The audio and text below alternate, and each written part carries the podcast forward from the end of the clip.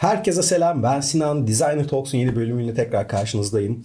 Bugün sizlere müşteri brieflerini nasıl daha iyi anlayabilirsiniz onları anlatmaya çalışacağım. Burada kendi deneyimlerimden yola çıkarak bazı öğrendiğim şeyleri aktarmaya çalışacağım sizlere. Tabii ki bu süreçte herkesin deneyimleri farklı olabiliyor ama müşterilerden gelen briefleri anlamanın da aslında arka tarafta bazı kuralları var. Bazı izlemeniz gereken adımlar var. Onları takip ettiğinizde müşterinin ne istediğini çok daha rahat algılayıp ondan sonra tasarım işlerinize başlayabiliyorsunuz. Bu süreçte bir önceki videoda da bahsetmiştim aslında. Tasarımcının görevlerinden biri ve belki de en önemlisi müşterinin ne istediğini onu anlatmaktır diye. O bölümü izlemediyseniz mutlaka izleyin. Çünkü o bölümde anlattıklarımla burada bahsedeceklerim birbirini tamamlayan içerikler. O yüzden göz atmanızda fayda var derim. Yavaştan konuya geçelim. Müşteri brieflerini anlamak için neler yapmanız gerekiyor? Nasıl daha iyi anlayabilirsiniz buradan gelen talepleri ve briefleri? Onları bir göz atalım. Burada maddeler halinde ilerleyeceğim. Takip etmesi de daha kolay olur muhtemelen. O yüzden ilk maddeyle başlayalım. İlk yapmanız gereken bir kontrol listesi oluşturmak. Veya checklist adına ne derseniz deyin. Öncelikle Burada briefte gelen maddeleri bir göz atmanız gerekiyor. Müşterinin sizden neler istediğini ve nasıl bir içerik talep ettiğini anlamanız gerekiyor. Buradaki kontrol listenizde yapılacakları iyi bir şekilde analiz etmelisiniz öncelikle. Müşteri sizden ne talep etmiş, nasıl bir tasarım istemiş, hangi platformlarda kullanılacak gibi konu başlıklarını bir kontrol etmeniz lazım. Burada size gerekli detayları iletmişler mi bir onu da kontrol etmelisiniz ilk başlarda. Buradaki detaylar ne olabilir? Görselin nerede kullanılacağı, hangi platformlarda kullanılacağı, marka dilinin nasıl olacağı, marka ile ilgili içerikler ve görseller var mı? Bunlar size iletilmiş ve Öncelikle bir bunların kontrol listenizden geçirmeniz gerekiyor. Bu kontrol listenizi tamamladıktan sonra da zaten müşterinin sizden ne istediğine dair az çok bir fikir sahibi oluyorsunuz ve işi ne kadar sürede yapıp ya da yapamayacağınız eksik taraflar var mı bunları görmüş oluyorsunuz. Bir sonraki madde ise soru sormak. Soru sormak müşteri brieflerinde çok önemli. Özellikle size gelen taleplerde, aldığınız brieflerde anlamadığınız noktalar varsa bunları mutlaka karşı tarafa sormalısınız. Asla ve asla varsayımlarda bulunmamalısınız. Kendi varsayımlarınız üzerinden ilerlediğinizde müşterinin ne istediğini kaçırmaya başlıyorsunuz. Bu yüzden hiçbir zaman müşteri brief'i geldiğinde acaba şunu mu dedi, acaba bunu mu dedi gibi ya da şöyle bir şey mi istiyor, şurada mı kullanacaklar bu içeriği gibi bir soru işareti varsa kafanızda lütfen karşınızdaki müşteriye sorun. Hiç vakit kaybetmeyin. Çünkü siz varsayımlar üreterek bir tasarım yaptığınızda sonrasında işi de teslim ettiğinizde karşı taraf çoğu zaman ben bu tür bir şey istememiştim diye size geri dönüş yapacaktır. Aynı zamanda boş boşuna revize süreçleri işin içine gireceği için işin yapım süresi de uzayacaktır. O yüzden mutlaka anlamadığınız yerleri müşteri brieflerinizde karşı tarafa sorun. Gelelim bir sonraki maddeye marka kimliğini göz önünde bulundurmak.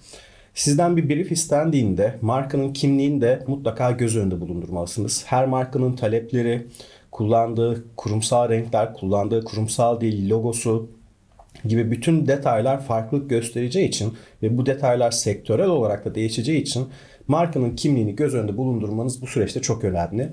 Size gelen briefte bunlarla ilgili bir data verilmiş mi? Size logo iletilmiş mi? Kurumsal renklerin kodları iletilmiş mi? gibi soruların aslında yanıtlarını aramanız lazım. Eğer size iletilmediyse Bunları siz bu şirketin bir web sitesi varsa oradan da bulabilirsiniz. Ama en doğru yöntem işin en başında müşteriden bunları talep etmek.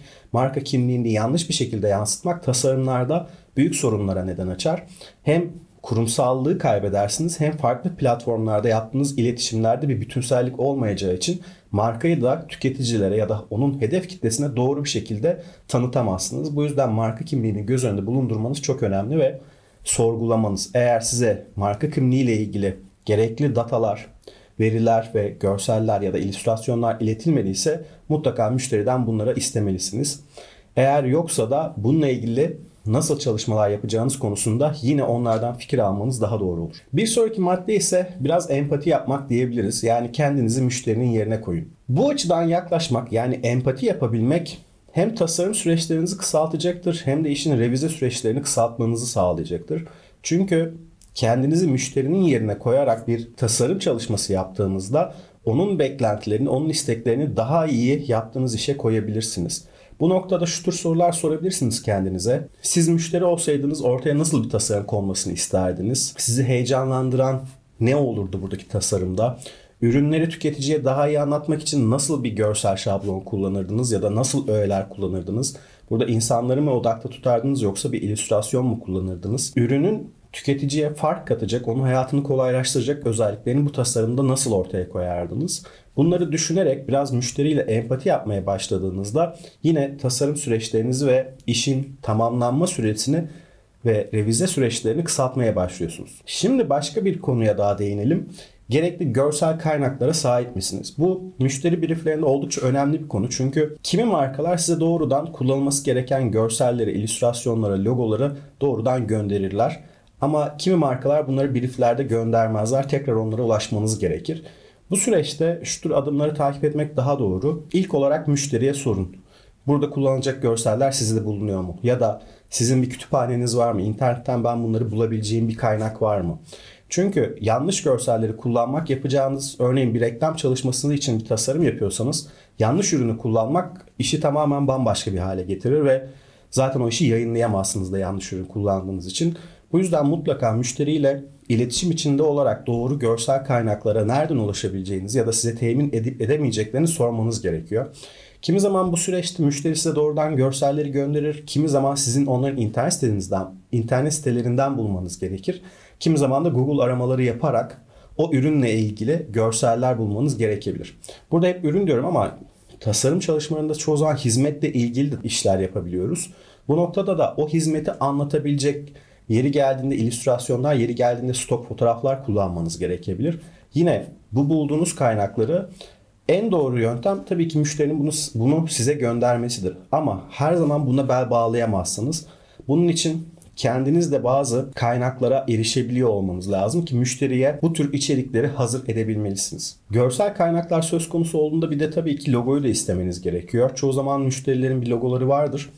Onlardan doğrudan kaynak dosyaları isteyebilirsiniz. Bu noktada da onlara direkt olarak brief vermeniz daha doğru olur. Çünkü işi çok bilmeyen biri size doğrudan Word dosyası gönderebilir ya da PDF dosyası gönderebilir. Bunları Photoshop ya da Illustrator gibi ya da video programları gibi yerlerde çalıştırmanız mümkün olmayacağı için doğrudan kaynak dosyayı istemek, SVG formatını, illüstrasyon formatını, Photoshop ya da PNG bile olsa doğru bir logoyu onlardan istemeniz tasarımlarda aslında doğru marka kimliğini yansıtmanızı sağlar.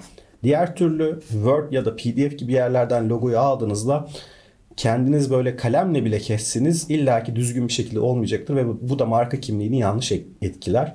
Bunu müşteriye çok net açıklamanız lazım ve logoları da ve diğer kurumsal kimliği içeren görsel çalışmaları da onlardan talep etmelisiniz. Son olarak bahsedeceğim konu da eksik olarak gördüğünüz yerler varsa bu brieflerde bunları doğrudan müşteriye iletin. Çünkü siz bir tasarımcı gözüyle bu işe yaklaşacağınız için Onlardan gelen brieflerin bazı yerlerini eksik görebilirsiniz. Yapılacak tasarıma ya da tasarımın yapılacağı platforma uygun briefler gelmemiş olabilir. Burada iletilmek istenen mesajı doğru bir şekilde karşıya ulaştırmak için yani hedef kitleye ulaştırmak için tasarımsal açıdan yapılması gereken değişiklikleri de müşteriye mantıklı sebeplerle şu şu şu şu yüzden yapılmalı çünkü bunu yaparsak şöyle olur gibi detaylı bir şekilde anlatmanız lazım. Müşterinin gönderdiği her brief %100 doğru olmayabilir ve olmak zorunda da değil. Bunu yine bir önceki bölümde konuşmuştum. Müşteriler tasarım tarafında yeterli bilgiye sahip olmayabilirler. Zaten sahip olsalar sizinle çalışmazlar demiştim. Tasarımcı olarak sizin eksik gördüğünüz ve briefte doldurulması gereken eksik alanları da doldurmanız gerekiyor. Bunu da göz önünde bulundurursanız yapacağınız iş çok daha hızlı bir şekilde ortaya çıkacaktır ve müşteriyle iyi iletişim kurarak, onu anlayarak ve bir gelen brief'i de anlayarak revize süreçlerinde çok ciddi şekilde kısaltabilirsiniz. Tasarım taraflarında işler yaparken yine bir önceki bölüme referans vereceğim. İyi bir iletişimci olmak, karşı tarafı iyi dinlemek, mümkün olduğunca çok fazla soru sormak sizin yapacağınız işi çok ciddi kolaylaştırıyor. Ve onlarla iletişiminizi güçlendirip onlara özellikle empati yapabildiğinizde de sizinle yaptıkları çalışmalardan memnun olacakları için uzun vadeli olarak da sizinle çalışmak isteyeceklerdir.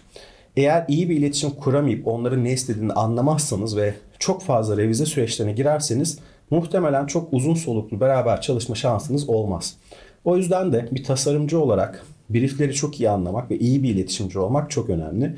Bu bölümde benim anlatacaklarım bu kadar. Bu bölümle ilgili sormak istediğiniz bir şeyler varsa briefleri analiz etme ya da müşteriyle iletişim kurma ile ilgili bana yorumlarda sorabilirsiniz. Aklınıza takılan her şeyi e, yorumlarda konuşabiliriz. Şu an anlatacaklarım bu kadardı. Bir sonraki bölümde görüşmek üzere. Hoşçakalın.